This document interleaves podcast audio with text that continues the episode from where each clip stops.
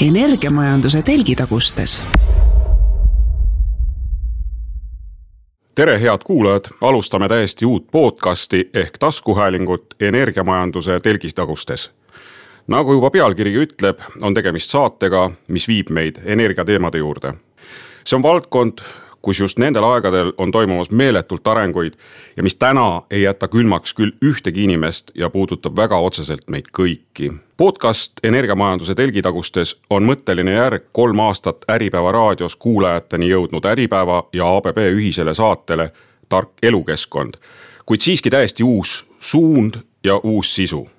soovime hoida kätt pulsil ning anda põhjaliku ja kõigile arusaadava ülevaate valdkonnas toimuvast, aga sama oluline on ka eesmärk anda panus valdkonna diskussiooni edasiviimiseks ja heade ideede esiletõusuks. Ning teemasid, mille üle arutada, on oi kui palju mina olen ABB kommunikatsioonispetsialist Sven Sommer ja ma kutsun teid kõiki teele energiamajanduse telgitagustesse. ja nüüd on mul hea meel tervitada podcasti esimese episoodi külalisi, äh, Majandus- ja Kommunikatsiooniministeeriumi energeetika ja maavarade asekantsler Timo Tatar. tere päevast! ning TalTechi kõrgepingetehnoloogia professor ning elektroenergeetika ja mehhatroonika instituudi direktor Ivo Palu, tere! tere päevast! Täna räägime teemal energiamajanduse päevaprobleemid ja tulevikuvaade. ja alustuseks äh, toon siin lauda mõned pealkirjad eilsest ehk siis äh, meie mõistes üheksateistkümnenda aprilli meediapildist, kuivõrd salvestus on meil kakskümmend aprill. Eesti Energia hoiatab, soodsad elektrihinnad ei tähenda energiakriisi lõppu. Euroopa Parlament võttis vastu ulatusliku kliimapaketi. lähiaastate väljakutse, Põhjamaad soovivad stabiilset ja taskukohase hinnaga elektrit igale inimesele. Leedu plaanib laupäeval oma elektrisüsteemi eralduskatset. vesinikuorg tahab teha Eesti vesinikuriigiks ja energiasõltumatuks. korteriühistute liit otsib lahendust, kuidas kortermaja panna tulu teenima need on vaid mõned eh, väljavõtted eh, artiklitest, saadetest ja ma ei toonud siin välja energiamajandusega kaudselt seotud teemasid, mida oli ka üksjagu. härrad, kuidas on juhtunud, et lühikese ajaga on energiateemadest saanud number üks teema nii meedias, avalikus ruumis, kohvinurgas ja saunas? no kui ma võin alustada, siis äh jah, see, mis sa ette lugesid, tundub selline tavapärane meediapäev äh, energiavaldkonnas, et tõesti juhtub päris palju. Meedia tähelepanu teema suhtes on äh, suur. Ja ma arvan, et siin on nagu kaks äh, peamist põhjust, üks on kindlasti noh, kelle arvates käimasolev veel, kelle arvates lõppenud energiakriis, mis tegi meid üleöö äh, hobienergeetikuteks. me kõik saime kohe, kui äh, pandeemia lõppes, äh, asusime me kohe arutama selle üle, et kas päev ette elektriturg äh, töötab ikka nii, nagu ta peab töötama või on see täiesti ebaloogiline. nii et see on üks pool ja, ja teine pool on kindlasti kogu ütleme siis rohepööre, kliimakriis ka see on tegelikult ju valdkond, kus väga paljud lahendused Äh, arvatakse peituvat energeetikas ja, ja, ja niikaua, kui on kliimakriis, kliimapööre, rohepööre, kuidas me seda ka ei tahaks kutsuda aktuaalne, nii kaua on aktuaalne ka energeetika, sest noh, energeetika kindlasti peab äh, äh, muutuma ja on muutumises ja, ja see kindlasti on teema, mille peal võib lõputult arutada. enne kui ma küsin sama ka Ivo käest soovin täpsustada, kuivõrd äh, kliimaküsimused tunduvad minevat järjest äh, teravamaks. kas sellest võib ka välja lugeda, et, et meie energiakriis jääb püsivaks nähtuseks? no ma sooviks, et ei jääks, et ega kriis ikkagi põletab ja väsitab väga kiiresti, et me võiksime kuidagi lihtsalt harjuda sellega, et energeetika on muutumises, aga mitte muutumises kuidagi sellises kriisisituatsioonis, vaid selline loomulik evolutsiooniline areng, võib-olla aeg-ajalt isegi revolutsiooniline, kui tulevad uued tehnoloogiad. Aga ma ei tahaks kasutada kriisisõna, et see ikkagi seostub meil siin stressiga ja me oleme neid äh, kriise siin juba oma, omajagu läbi elanud ja oleme muutunud kriisiveteranideks, et äh, pigem selline mõistlik äh, areng õiges suunas ja, ja nimetame seda siis selliseks jah, areng, arenguteeks energeetikas, mis meid kõiki kõnetab. Ivo ma hakkaks oma vastusest hoopis kaugemalt, et äh, ma käisin just äh, siin gümnaasiumis rääkimas energeetikast ja kuhu me jõudnud oleme. ja tuli jutuks, et äh, kas keegi teab, kui suur nende elektriarve kodus on? noh, ega gümnaasiumi inimesed, noh, need tudengid ja, ja noored õppurid ei tea väga, et, et mis see siis elektriarve ja kui suur see on. siis ma küsisin käest, et kas keegi mäletab, millal ta viimast korda isa või emaga käis elektrinäitu vaatamas. ehk no ma öelda tahan, on see, et elekter on midagi nii automaatset, et kui me lehest ei loeks siis me tegelikult isegi ei mõtleks selle peale, et, et kui suur see arve nüüd on. meil praktiliselt on võimatu seda kuskil päriselt nagu maksmas käia, me edastame näidud automaatselt, me maksame selle automaatselt see on selline hüve, et, et millest me saame aru ainult siis, kui teda ei ole. ja arvan, et, et see nii-öelda kriis, ma tahaks ka nõus olla sellega, et, et on pigem sihuke lühikene. et tuli, oli kuidas me temaga harjume, see on omaette küsimus, et kas kriisiga saab harjuda või siis ongi kriis läbi, kui me oleme harjunud. aga ma arvan, et eh, see, et ta päevakava, päevakajaline on täna, et see on isegi hea, mis tähendab seda, et, et nagu mõtleme, et, et eh, kas kõik need asjad, mida me ka elektriga teeme, kas need lõppkokkuvõttes on ikka nagu head asjad, mugavad asjad ja kas selline tarbimine on ka nüüd siis jätkusuutlik, on ju. kui me ikkagi kliimast rääkida tahame, siis kõikide uute asjade juurdeostmine äkki see hea hind täna ütlebki, et kõike ei pea juurde ostma. kas sa oled äh, märganud juba ka mingisugust nihet äh, nendes arusaamades ja äh, nendest arusaamadest tõukuvates käitumuslikes muudatustes? võib-olla see ei ole otsene energia küsimus, aga et, et noh, et kui me räägime täna kasvõi elektriautodest ja autostumisest siis eh, noh, ega ummikul ei ole vahet, kas seal on elektriauto või noh, fossiilkütuseid põletav auto. et, et kui me suudaksime need inimesed, kes seal autos istuvad, kuidagi bussi lükata eh, või ratta selga, siis noh, see, see on oluliselt parem eh, ja, ja otstarbekam mõte kliima mõistes, kui nagu elektriautodega ummikus istuda, et, et ma arvan, et, et sellised nihked kahe auto asemel üks, äh, teine kasutab ühistransporti, eelistame sõidu jagamist äh, ainult siis, kui noh, päriselt autot vaja on, et, et ma arvan, et need nihked toimuvad. kas me selle juures tekitame neid elektrisõltuvust, suurendame või vähendame? no me pigem suurendame seda elektrisõltuvust. aitäh, et järgmiste episoodide külaliste elu pisutki kergemaks teha, me kindlasti plaanime käsitleda väga paljusid äh, selles valdkonnas toimuvaid äh, arenguid ja avada teemasid, äh, need läbi diskuteerida. mul on täna väike ettepanek püüda esmalt markeerida meie energiamajanduse hetkeolukord ja seejärel ka püstitada selle valdkonna peamised, tulevikuvisiooni peamised alustalad aga esmalt küsimus, et milline on üldse selle valdkonna koordineerimine, mm, kas see on üles ehitatud piisavalt äh, loogiliselt ja jätkusuutlikult ja, ja millised on äh, selle peamised äh, kitsaskohad? arvestades, et kõik need küsimused on väga komplitseeritud, nõuavad tõsist analüüsi ja koostööd kõigi sidusrühmade vahel mm. -hmm. ma kahtlustan, et see küsimus on mulle noh, koordineerimine, valdkonna koordineerimine on suuresti nii nagu kõigis teistes demokraatlikes riikides, et on äh, poliitika kujundamise pool, mis loob mängureegleid. see on see koht, kus tuleb siis ka selline poliitiline suunis pilti sisse. ja siis teine pool on selline puhas nagu turuosaliste pool, kes siis nende mängureeglite järgi toimetavad. ja siis kolmas pool on siis selline kohtunik, äh, kes on energiaturu regulaator näiteks äh, aga mõnedes rollides ka näiteks ei tea, süsteemihaldur või võrguettevõtted, kes siis tagavad selle, et. et kui, kui, et kui elektriturul kaubeldakse või energiaturul kaubeldakse, et siis ikkagi päeva lõpuks kõigil on elektrivarustus ja energiavarustus olemas. kui me räägime nüüd ainult kitsalt elektri vaatest. noh, ja teistes valdkondades, ma ei tea, vedelkütused või soojus, noh, seal on sama, samasugune loogika, et on olemas siis äh, mängureeglite kujundajad ehk siis jällegi ministeerium, poliitikud teisest poolest äh, siis äh, turuosalised, noh, need on ettevõtted, kes siis äh, kas meilt varustavad siis soo-, soojusega, kaugküttega või elektriga või vedelkütustega. no ja siis on selline kohtuniku roll, eks ole, kes on siis Eesti puhul konkurentsiamet, energiaturu regulaator, kes siis kontrollib, et reegleid täidetakse ja siis äh, tänu sellele see turg niimoodi toimib, areneb. et suuna annavad kätte kindlasti ütleme siis energiaturu äh, poliitika kujundajad ühelt poolt, aga teiselt poolt ka kindlasti selline tehnoloogia areng, et äh,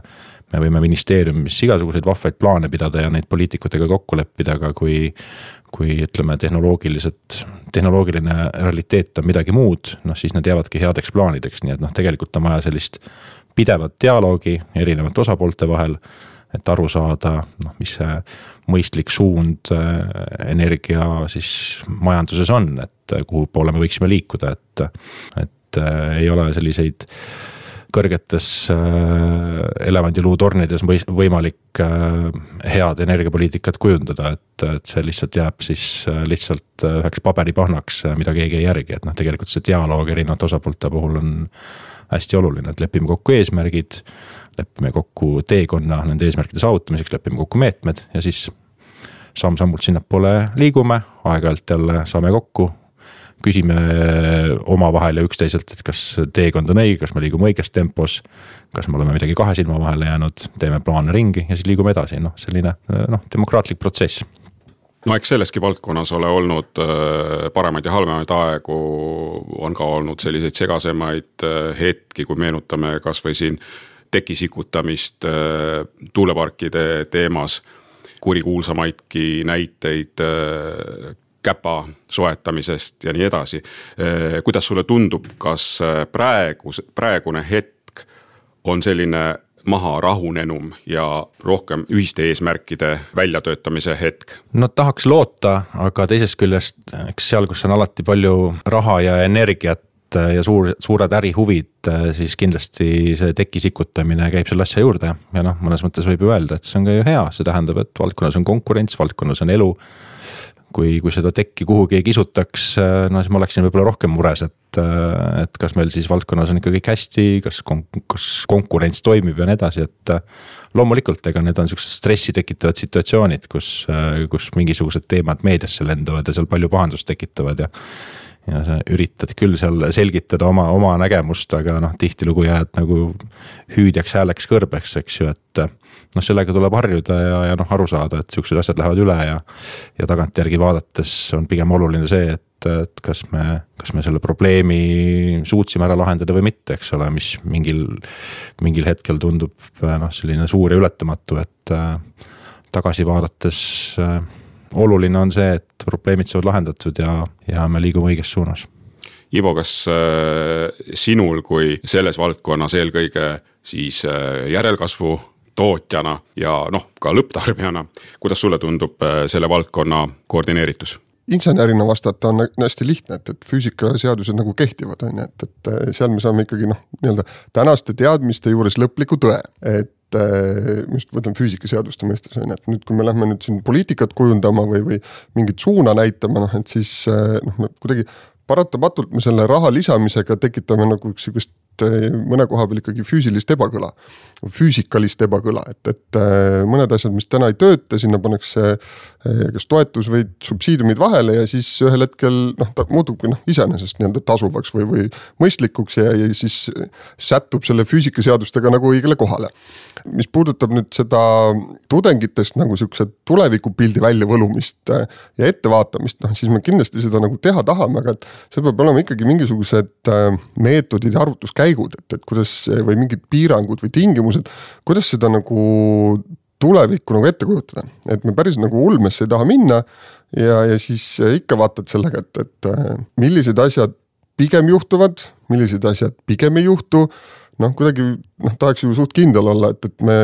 seda hüdroenergiat järsku maa seest Eestis ei leia, et, et pump on üks asi ja vee edasi-tagasi tõstmine. aga noh, jõgesid meile nagu järsku juurde ei teki, et, et seda hüdroenergiat massiliselt meile nagu Eestis ei teki, et seda ei ole mõtet nagu mudelisse panna ja noh, siin varasemalt olen näinud kuidas äh, siin kuskil viisteist aastat äh, kästi meil arvutada, et äh, laineenergia mõju noh, Eesti energeetikale on ju, et ja siis keegi oli sinna pakkunud meile arvustustesse, et see võiks viiskümmend megavatti olla. no ei ole meil seda lainet sellises mahus, et, et äkki ei ole mõistlik seda nagu mudelitesse panna, et, et see on see, kus füüsika ikkagi jääb füüsikuks ja füüsikaks ja, ja meie siin regioonis, noh, me jääme siia regiooni no kui ma siin võin nüüd sekkuda, siis jah, kõik, mis sa Ivo ütled, on õige, aga teisest küljest ma mäletan, et me umbes kümme või isegi viis aastat tagasi planeerisime, et võib-olla Eestis tänaseks päevaks on selline viiskümmend äkki sada megavatti päikesepark, eks ole, et. sest ega meil ju siin päikest õieti ei ole ja vaat kui kallis see tehnoloogia on, eks ole, ja siis äh, palju meil seda päikest praegu on siin, ma arvan, et selline kuus-seitsesada megavatti juba ja, ja. ja varsti on tuhat, eks ju, et noh, et ühest küljest me jah, me võime plaani pidada ja siin öelda, et kuulge, et ikka füüsikaseaduste vastu ei saa, eks ole, aga siis ikkagi tuleb selline tehnoloogiline revolutsioon kuskilt nurga tagant. ja jätab meid kõik nagu lolli näoga järgi vaatama, et voh, mis see nüüd oli, eks ole, et ja siis. ja siis noh, leiame siis nagu tagantjärgi endale õigustusi, et kuidas me selle siis suutsime maha magada, et. see teeb muidugi ka selle valdkonna põnevaks, et, et et eh, noh, need tehnoloogiad arenevad nii kiiresti eh, ja, ja jube keeruline on ette näha, kust see järgmine üllat-, üllatus tuleb, et noh, tegelikult noh, suur rahvusvaheline ener-, energeetikaagentuur minu arust suutis maha magada umbes viisteist aastat tagasi kogu selle kildagaasi tekkimise, eks ole, et. et USA muutub, eks ju, maagaasi importijast eksportijaks, et noh, et sellega ma saan ennast lohutada, et noh, et ainult mitte meie siin unustame või magame maha mingisuguseid suuri muudatusi, et tegelikult ka noh, kõik energeetikaeksperdid kolistavad sedasama, sama ämbrit, et proovime siin nagu parima teadmise kohaselt pildi kokku panna tuleviku suunas ja siis peame jälle tõdema, et panime mööda, aga noh, teisiti ka ei saa aga milline on see tänane parim äh, teadmine, parim arusaam, äh, mis toetub kõikidele andmetele, uuringutele ja nii edasi. ja mis defineerib siis tänased äh, energiamajanduse põhiküsimused, mis need, mis need täna on, on ju selge, et, et seal on äh, sellised äh, vältimatud, äh, vältimatud teemad ja siis on sellised nice to have teemad, et noh, et, et kas nüüd kuskil seal külas pannakse väike päikesepark püsti. noh, see ei mõjuta nagu suurt pilti väga, väga palju, et millised on need energiamajanduse põhiküsimused täna ja, ja lähitulevikus? nagu ma siin just enne rääkisin, et, et tundus ka, et võib-olla see väike küla päikesepark suurt pilti ei mõjuta, aga noh, kui neid külasid ja päikeseparke on juba kümme tuhat või kakskümmend tuhat, siis äh, hakkab mõjutama küll. no aga ma arvan, et see selline peamine megatrend energeetikas on ikkagi see noh, see puhtamaks muutumine viisil, et meil tuled jäävad põlema ja, ja varustuskindlus on tagatud, eks ju, et me. meil on poliitiliselt seatud kliimaneutraalsuse eesmärk kahe tuhande viiekümnendaks aastaks me oleme Euroopa Liidu liikmedena, riikidena selle eesmärgi endale seadnud ja noh, energeetikas tähendab see väga suurt väljakutset puhtamate tehnoloogiate kasutuselevõtuks. meie puhul see on kindlasti tuul, päike, salvestus, tarbimise juhtimine ja kõik see, kui nagu elektri poolest rääkida teine märksõna kindlasti on selline suur elektrifitseerimine, mis küll elektritarbimist suurendab, aga primaarenergia tarbimist tõenäoliselt oluliselt vähen-, vähendab. lihtsalt sellepärast, et elektrimootor on nii paganama efektiivne võrreldes näiteks sisepõlemismootoriga. ma arvan, et need ongi sellised äh, suured äh, vaalad, mis meid kannavad, äh, taastuvenergia puhtamad lahendused, targemad lahendused, salvestus ja, ja siis selline olla valmis kogu aeg selleks, et et äh, tehnoloogiline areng meid üllatab. ja teisest küljest olla valmis selleks, et juhul kui tuult ei ole, päikest ei ole, oleks meil ka mm, siis äh, elektrivarustus tagatud. siin esiti ilmselt on vaja veel äh, käigus hoida või hoida alles fossiilkütusel olevaid elektrijaamasid. aga noh, ma ise olen üsna põnevil, et mida kõik see energiasalvestuse tehnoloogia võib pakkuda, et, et mul, mul on tunne, et see on selline järgmine suur äh, nii-öelda päik-, päikeseelektribuum, mille meil, mis meil ühe korra õnnestus maha magada, et. et kui see, kui see salvestustehnoloogia läheb veidi odavamaks, siis, siis sealt võib tulla nagu väga üllatavad numbrid. Ivo ma lisaks selle paralleeli siia, et, et noh, kui meil koolitundides ja igal pool räägitakse sellisest toidupüramiidist, et, et mis on seal alumisel kihil ja kuidas need eh, juurikad ja leib ja sai ja kõik need muud ilusad asjad tulevad ja kuidas komm on seal nagu eh, kirss tordil otsas, et, et siis eh, eks see energeetikas on seesama, et, et meil on enamus aastast vaja mingisugust kindlat võimsust ja energiat, mida me nagu terve aasta kasutame ja selle peale käivad siis nii-öelda need talvised koostootmisjaamad ja siin kuskil on päike ja tuul ja. ja siis on meil sellised avarii reservrektorijaamad või, või gaasielektrijaamad, mis siis kiiresti käivitavad. aga noh, võib-olla mõneks kümneks või, või mõneks sajaks tunniks aastas, et, et noh, see on see, mida me ka elektrisüsteemis vaatame, et, et noh, kõik need komponendid oleks olemas. nüüd teiselt poolt on ju see elektri tarbimine on samasuguse püramiidiga seal kõrval, et äh, mitte kõik asjad ei ole kogu aeg töös ja eks me seda kõige rohkem elektrit äh, meie kliimas veel kasutame ikkagi talvel kuigi siin need suvised jahutamised kipuvad ka seda pilti võrreldes siin kümne aasta tagusega nagu natuke muutma. ja ma arvan, et see on üks nendest sellest kliimamõjust, et, et meil need suved lähevad kuumemaks ja me tahame sinna ka jahutust panna. mis tähendab seda, et, et äh, meil on kogu selles elektrisüsteemis on kõiki komponente nagu vaja erinevas mahus kuskil me peame nagu naabritega kombineerima ennast, nüüd me natukene siin võib-olla selle varustuskindluse raames võime nagu noh defineerida, et, et äh, kõige kindlam naaber on meil umbes Läti-Leedu äh, sealt tuleb Soome on ju, sealt tulevad edasi. samal ajal noh, selle toidupüramiidi kõrval on ka niisugune suur energeetika, noh see suur pilt, äh, millest me siin natuke rääkisime.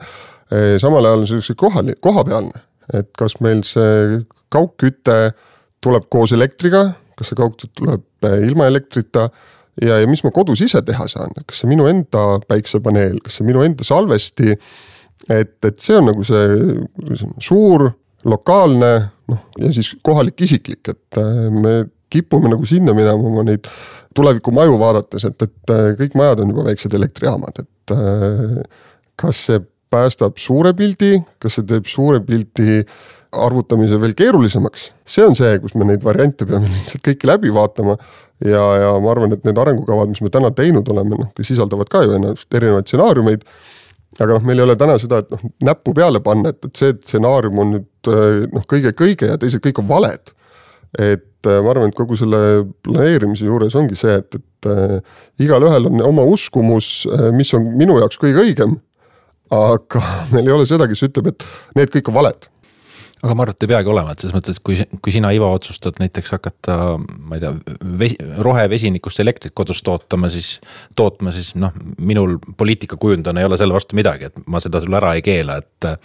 ma võin küll endamisi mõelda, et noh, et Ivo seal küll põletab hirmsasti raha kodus praegu, aga noh, Ivo võib seda teha, et mul ei ole selle vastu midagi. et sel-, selles mõttes ma arvan, et Äh, see ootus, et, et me nüüd riigina siin võtame ühe valge paberi, joonistame siin täpse kava, et kui palju, kus elektrit tuleb, kes toodab, kes tarbib. Äh,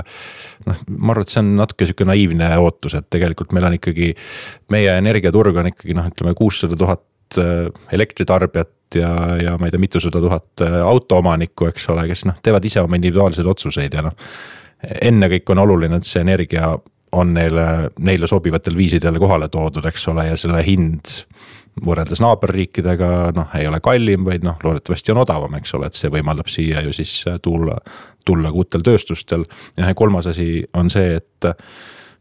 mis on poliitikakujundaja roll, on see, et kui siia tahab tulla ka mõni uus, ma ei tea, energiatootja, et siis see meie keskkond oleks siin selline sobiv, kuhu ta saab, kus ta saab siin. noh, oma tuulepargid, päikesepargid või muud sorti elektrijaamad või muud energiatööstused püsti panna. ma arvan, et see on nagu selline ennekõike kõige olulisem asi, et me lähtume mingitest põhimõtetest. aga lõpuks jätame ikkagi kõikidele ettevõtetele ja inimestele nagu valikuvabaduse teha selliseid otsuseid, nagu nad ise täpselt tahavad, seni kuni see sinna suurde raami mahub, eks ole. ma räägin siin näiteks keskkonnamõjust, et kui Ivo hakkab kodus autokumme põletama, et et kodukütte, noh siis ilmselt sellega oleks nagu probleem. nii Ivo, autokummid või vesinik autokummid või midagi muud? ma selles mõttes, et ma, see oligi selle, selle mõte, et täna on noh, riik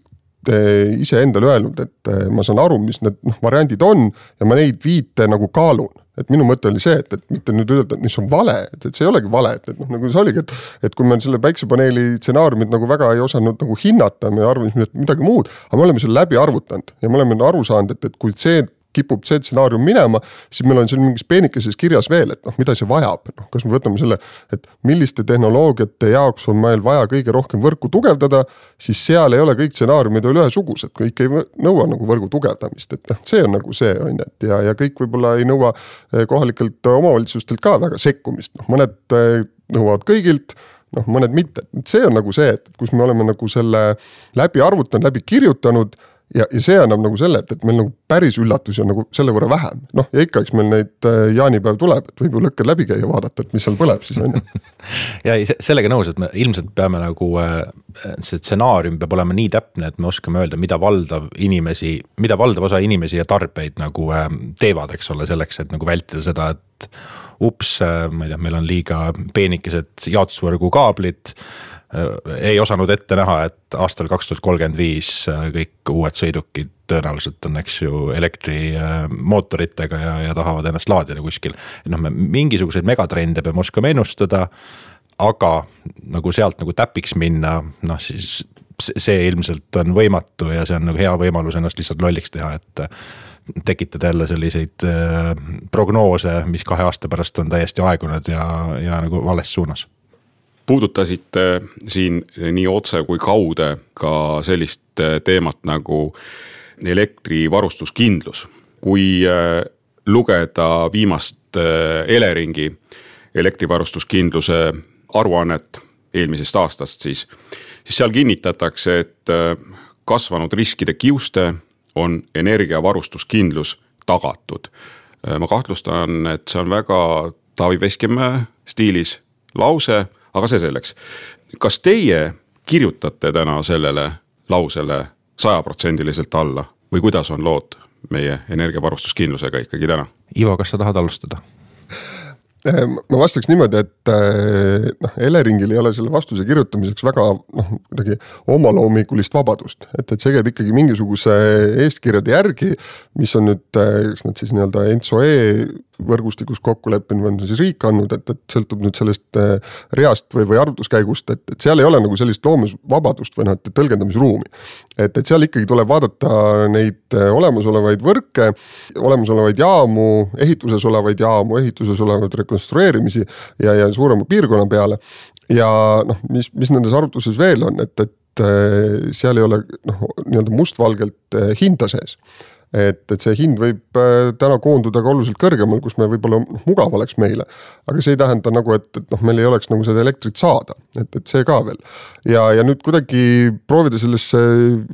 arvutuskäiku rääkida naabrite tegevust kuskil omavahel noh, see, see ei tule veel täna noh, mustvalgelt sinna, et ma saan küll sellest kontekstist ja küsimusest aru, aga noh, see, see on see, et, et kus me, kus nad täna on ikkagi arvutuskäigu ära teinud. kas äh, arvutuskäiku võetakse nüüd äh, järgmistel kordadel midagi muud arvesse? Äh, on ta siis nii-öelda taastuvenergia suuremat sõltuvust või poliitilist motivatsiooni. vot see on nüüd see küsimus, aga, aga seda ei saa jälle teha üks riik või võrguoperaator noh, ilma et teised seda ümber arvutaks. et muidu me olemegi kas liiga head või liiga halvad, et, et siis läheb jälle, jälle keeruliseks, ma arvan, et, et noh, see on see tänane taust kas, sada protsenti alla kirjutada noh, selle mingi jaaga võiks selle lause lõpetada siis on ju, et või, või, või agaga ja ma, ma arvan jah, see aga on alati nagu äh, nutikas äh, sellistele mustvalgetele lausetele lõppu panna, et alati võib luua stsenaariume, eks ole, mille tõenäosus on imepisike, aga, aga noh, mis annab teistsuguse tulemuse, aga. suures pildis jah, tõesti nagu Ivo ütles, ega Elering ei oma siin väga palju loomingulist vabadust, et et, siin jah, Taavi Veskimägi ei tööta siin sellise kirjanikuna, et iga kord kirjutab meile põneva loo, mille lõpptulemust me teame, eks ole, et. et varustuskindlus on tagatud, et noh, tegelikult Eleringis töötab üle kahesaja inimese, kes, kellest osa, kelle osade igapäevane töö ongi tegelikult läbi arvutada ja veenduda, et see ühiselt Euroopa Liidu üleselt kokku lepitud siis selle varustuskindluse hindamise mudel ja metoodika ja need stsenaariumid, mida selle jaoks tehakse need stsenaariumid läbi arvutada, eks ole, et ja, ja siis selle, selle pealt siis nagu üldhinnang kokku panna. noh, teisest küljest me selle aasta detsembris, eks ole, kui see viimane Eleringi varustuskindluse aruanne välja tuli, noh, seal me nägime juba natukegi neid murelikke jooni, eks ole, et väga pikalt äh, tõesti tehti juba nalja, et, et noh, need varustuskindluse aruanded noh, copy paste iga aasta sama, et et lõpptulemus on ikka, et varustuskindlus on tagatud, noh seekord öeldi, et kuulge, et me näeme, et siin kaks tuhat kakskümmend seitse edasi, kui CO2 hind on selline, nagu ta on siis need Eesti põlevkivil, valdavalt põlevkivil töötavad jaamad Narvas, et noh, need ei pruugi enam turule pääseda. kui omanik peaks need jaamad kinni panema, noh, sest nad ei pääse turule, siis meil teatud stsenaariumite puhul võib olla probleeme, et noh, et et seekord juba tegelikult ju Elering ütles, et kuulge, et see asi ei ole enam nagu nii ma ei tea, roosiline või roheline, nagu ta varem oli, et asi on muutumises, eks ole, ja noh, see oli see signaal meile kui poliitikakujundajatele, ministeeriumile, et me peame hakkama selles osas astuma samme. et tagada, et ka tulevikus, kus CO2 hind on võib-olla, ma ei tea, kakssada või kolmsada eurot mega, eurot tonn. et ka siis äh, oleks äh, Eestis kõik jaamad, mida on vaja, noh olemas, et nad saaksid siis käivitada, eks ole, et ma, mina julgeksin igal juhul jah, Eleringi sellele aruandele alla kirjutada. noh, neid igasuguseid klausleid if lauseid võib sinna palju panna, aga see on nende töö ja ma usun, et nad teevad oma tööd hästi ja noh, kui kui, kui kõik teised hakkaksid neid samu asju arvutama samasuguse põhjalikuga, põhjalikkusega, noh, no siis oleks võimalik arutada, et. praegu mina näen, et Elering on see, kes Eestis seda tööd teeb, kellele see ülesanne on antud, nad teevad seda ülima põhjalikkusega. ja noh, teised on kõik sellised noh, ütleme kohvilaua taga kommenteerijad, eks ole, et kellel võivad ka oma arvamused olla, aga. Need kaugeltki ei põhine sellisel noh, analüütilisel tööl, nagu Elering seda teeb no varustuskindlusega sama jalga käib ka teine väga oluline mõiste nagu energiajulgeolek, mis on äh, päris palju meist endist sõltuv meie endi käes aga mitte lõpuni, sest äh, siin sõltub omajagu ka naabritest, keda me endale valida ei saa, need on need, kes meil siin on. kui suures osas on täna tagatud Eesti energiajulgeolek ja millised on äh, peamised ohutegurid selles vallas? no ma arvan, et äh, ega nagu sada protsenti energiajulgeolek pole kunagi tagatud, et alati võib tulla selliseid nii-öelda musta luige sündmusi, mis äh, mis äh, noh, mis mõjutab äh, meie energiasüsteemi. küll aga meie energiapoliitika selline läbiv joon juba taasiseseisvumisest saadik on olnud selline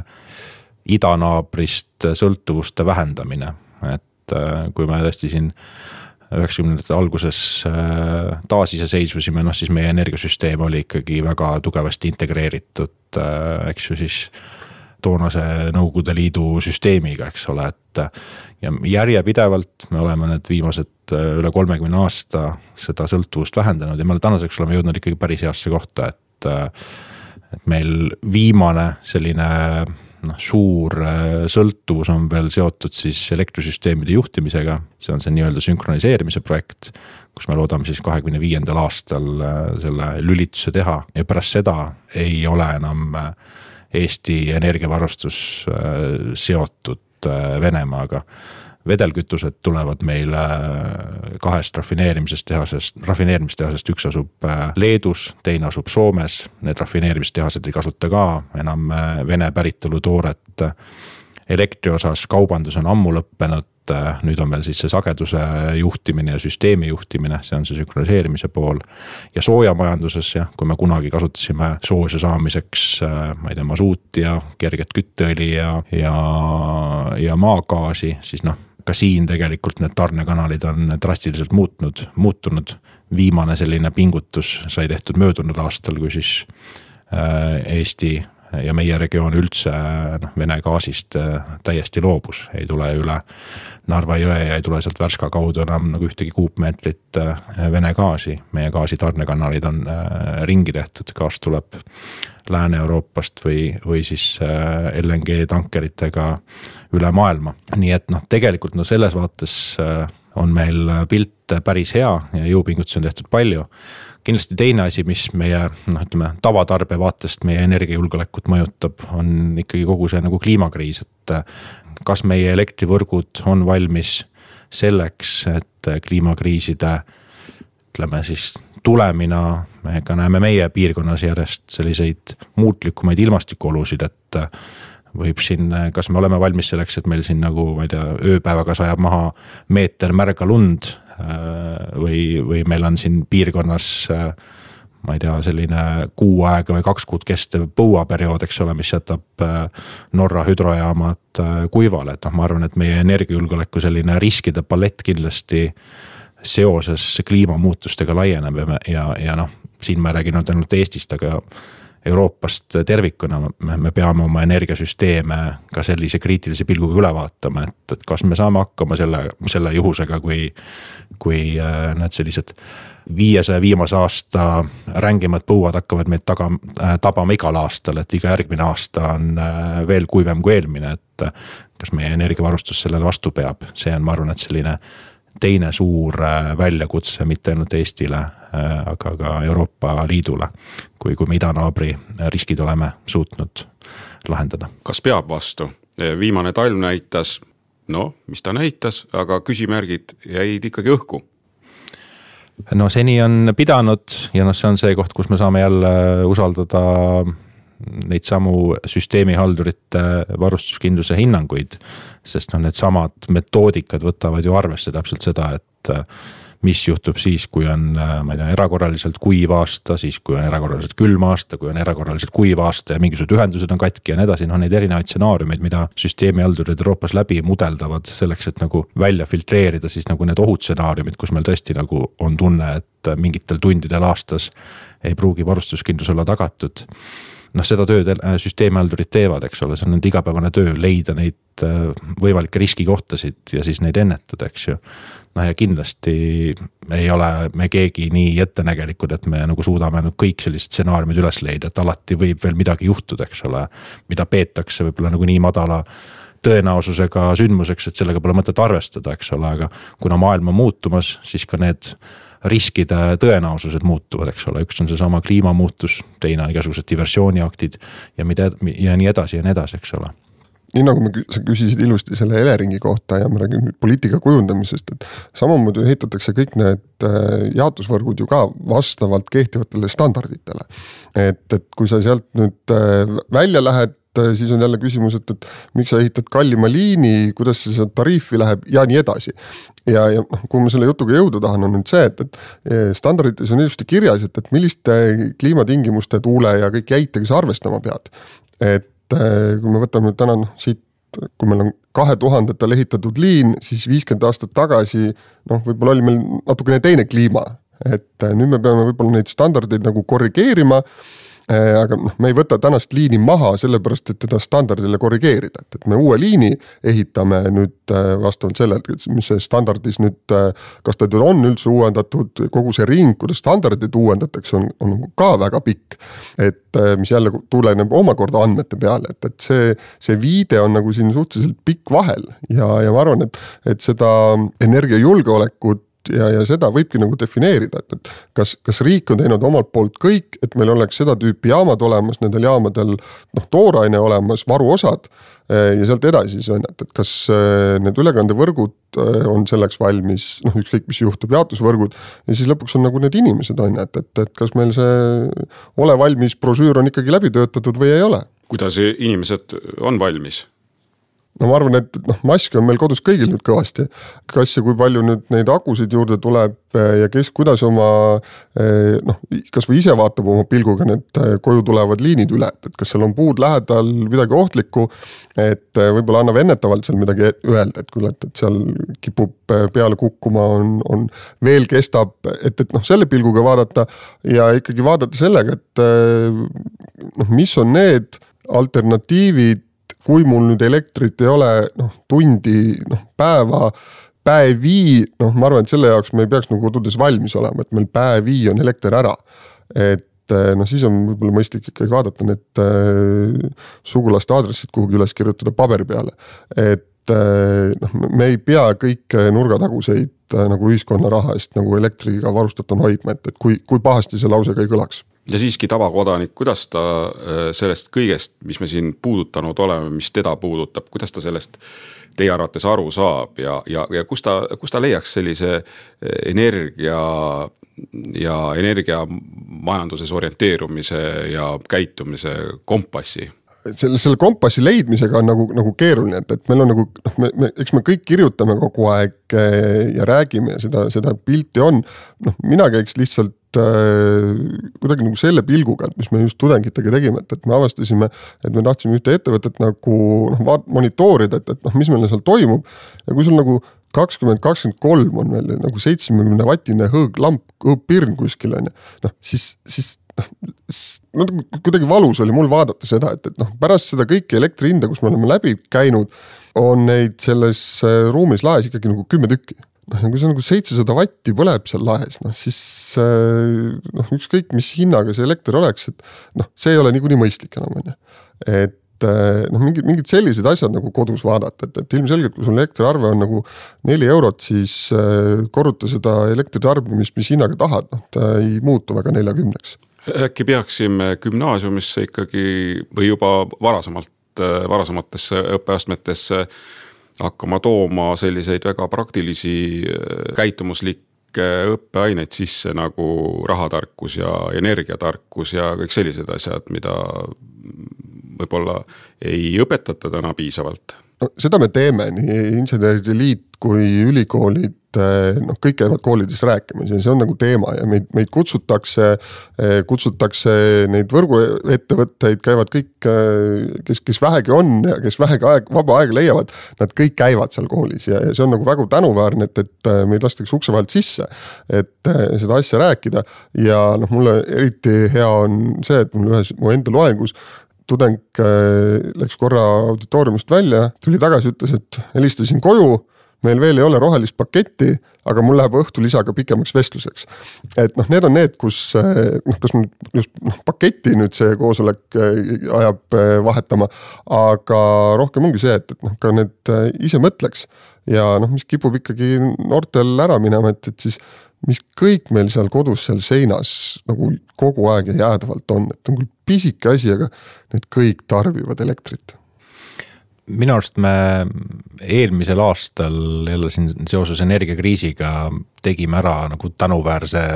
töö ühiskonnana, et me kõik teadvustasime, et. et kuhu kurat see elekter meil kaob, eks ole, et ja, ja kui palju see maksab ja, ja noh, seoses sellega sai tegelikult ka päris palju sellist infomaterjali loodud, noh, see Hoiame kokku kampaania, eks ole, noh, need materjalid on kõik täna. ma ei tea, ühe guugeldamise kaugusel, et kirjuta Hoiame kokku Google'i reale ja ma usun, et eh, esimesel lehel on need eh, kohad olemas, eks ole, kus öeldakse väga täpselt, kui palju, ma ei tea, saunakeris elektrit võtab ja kui palju muud, muud asjad elektrit võtavad ja kui palju see nagu äh,, nagu eurodes ka tähendab, eks ole, et. et ma arvan, et seda infot on päris palju ja, ja noh, tõesti, ega see väljakutse on see, et kuidas nagu inimesi kogu selles infovirvarris ja müras nagu äh, äh, noh, mitte üle uputada, eks ole, et, et nad äh,, et nad selle info üles leiaks ja teeks need õiged, õiged valikud, et äh, noh, kahjuks me nagu sellist riiki ilmselt keegi ei taha, kus ma ei tea, koalitsioonileppes loetakse, et, et nüüd äh, nüüd on uus kokkulepe, et õhtuti võtame kõik mobiililaadijad seinast välja, eks ole, et ja, ja seda hakkab kontrollima Tehnilise Järelevalve Amet, eks ju, et. et noh, et lõpuks jääb ikkagi nagu individuaalseteks otsusteks, et äh, riik ei keela kellelgi nagu rumalalt käituda ja energia nagu energiat raiskavalt käituda, eks ole, ja noh. ma arvan, et ka see on nagu väärtus, mida me siin Eesti riigis tahame hoida, et pigem sihuke noh, sihuke. olla sihuke mõistlik ja veidi liberaalne ja, ja nagu meil on kõigil see autoritaarne riigikord liiga hästi meeles, et, et me mingisuguseid väga siukseid äh, sekkuvaid meetmeid ei tee, eks ole, et äh, peamine sekkumismeede on see, et, et rumal käitumine üldjuhul äh, varem või hiljem on väga kulukas. Et siis andku ükskõik, kes meile seda energiatarkust, aga Ivo, sina oled selle energiatarkusega nüüd väga otseselt seotud ka läbi ülikooli. Need teemad, mida me täna kõik oleme käsitlenud, äh, nõuavad ju elluviimist ja selle elluviimisel targad inimesed, insenerid on ju number üks nii-öelda grupp, kes neid hakkavad tegelikult ka realiseerima. kuidas äh, lood selles osas on? no ma vastaks niimoodi, et äh, tudengid leiavad meid ülesse, aga kuidagi selle tänase tudengi hoidmiseks peab ülikool hästi palju ära tegema, me teeme, aga neid ahvatlusi lihtsalt on nagu nii palju. Ja noh, eks me siin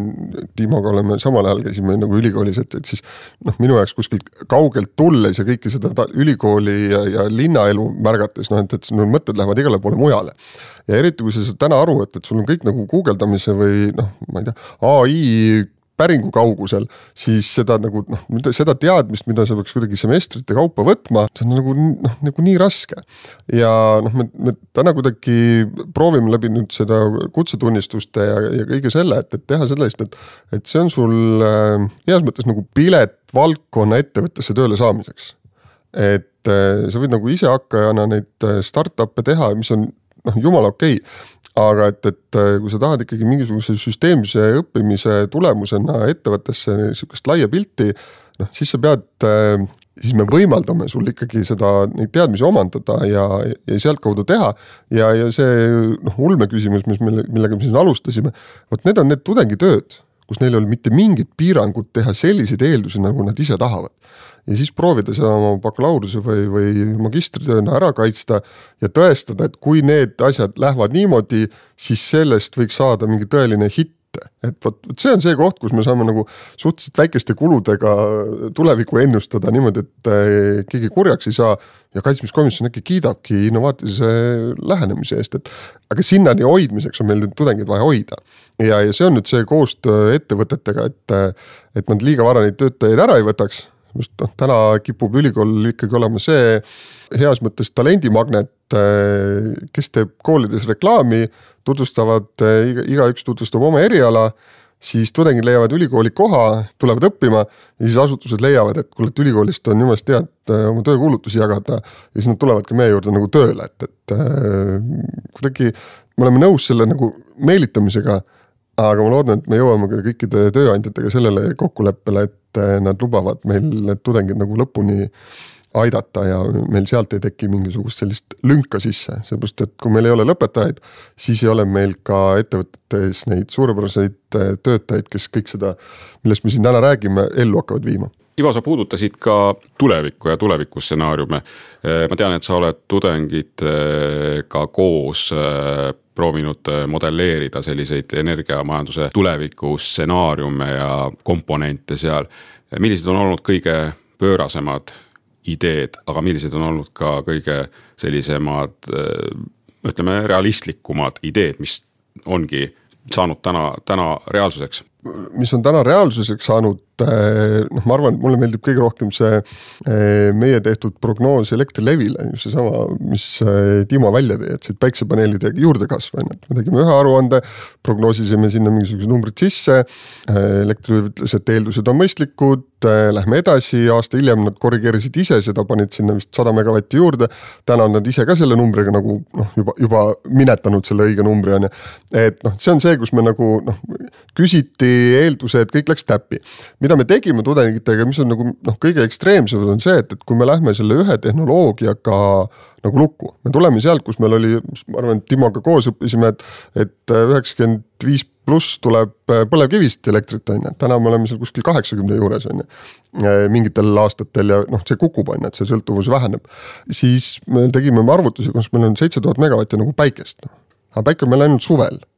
et äh, ja tudengitel ei olnud piirangut, et äh, seal oleks nagu võrk peaks vastu võtma, vaid lihtsalt mängiti nagu võimsuse ja energiaga. et äh, noh, mida see tähendab, noh see tähendab seda, et me ise ei tarbi ja kõik läheb ekspordiks. ja nüüd sealt tuleb siis kõik need tehnilised tingimused, mida peaks üks insener nagu kaasa võtma, et mis tingimustel selline asi üldse võimalik on. ja see annab sellele tudengitele just selle, et, et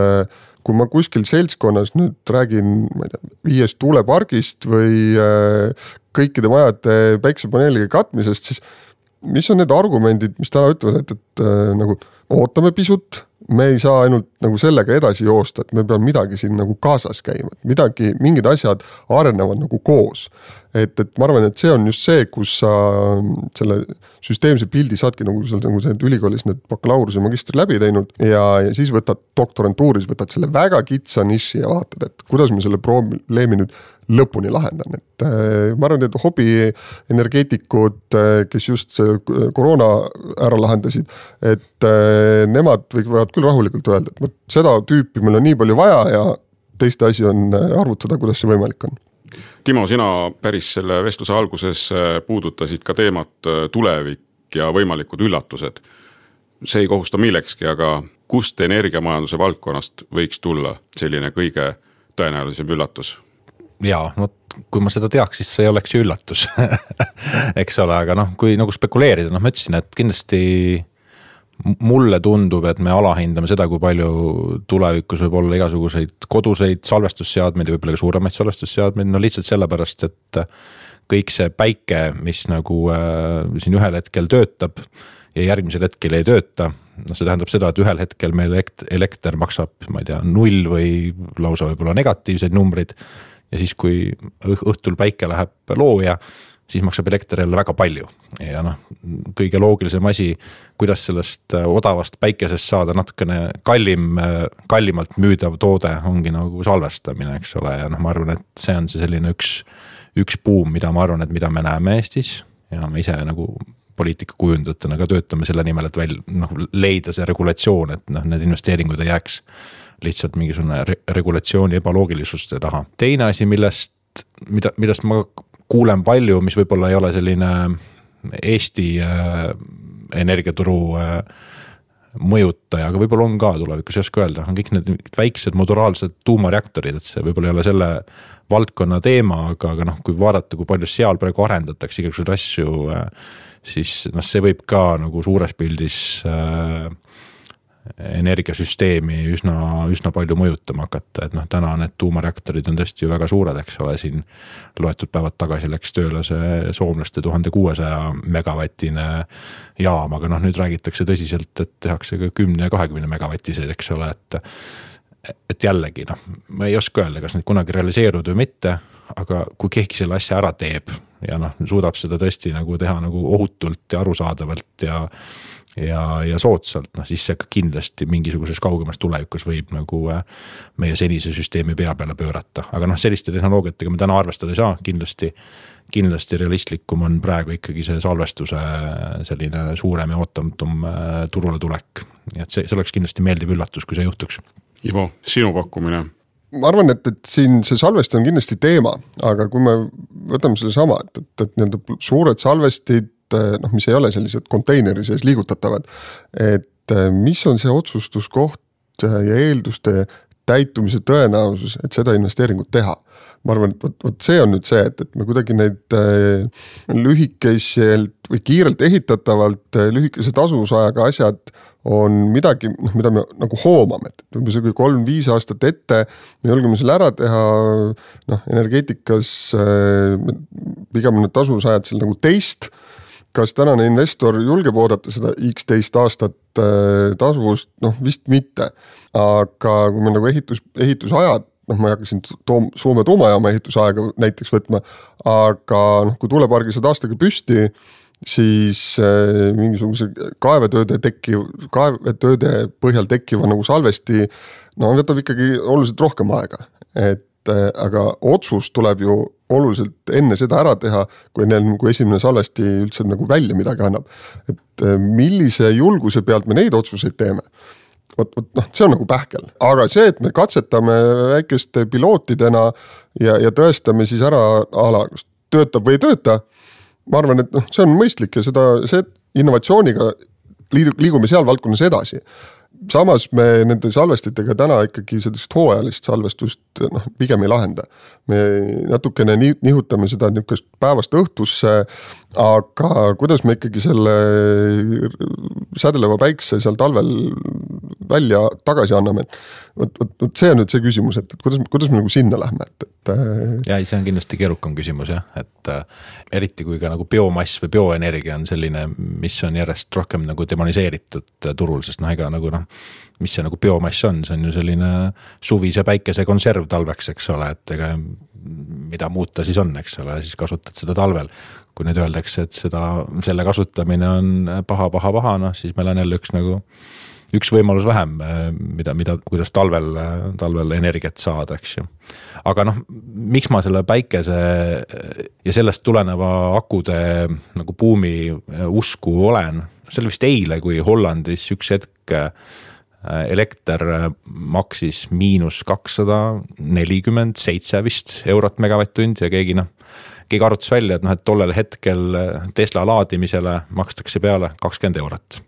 et saad aku täis ja saad kakskümmend eurot veel peale, eks ole, et aitäh, et, et mu elektriga midagi oskasid ette võtta. kes seda kahtekümmet eurot maksab, seda maksavad noh, piltlikult kõik need päikesepaneelide omanikud, kes siis noh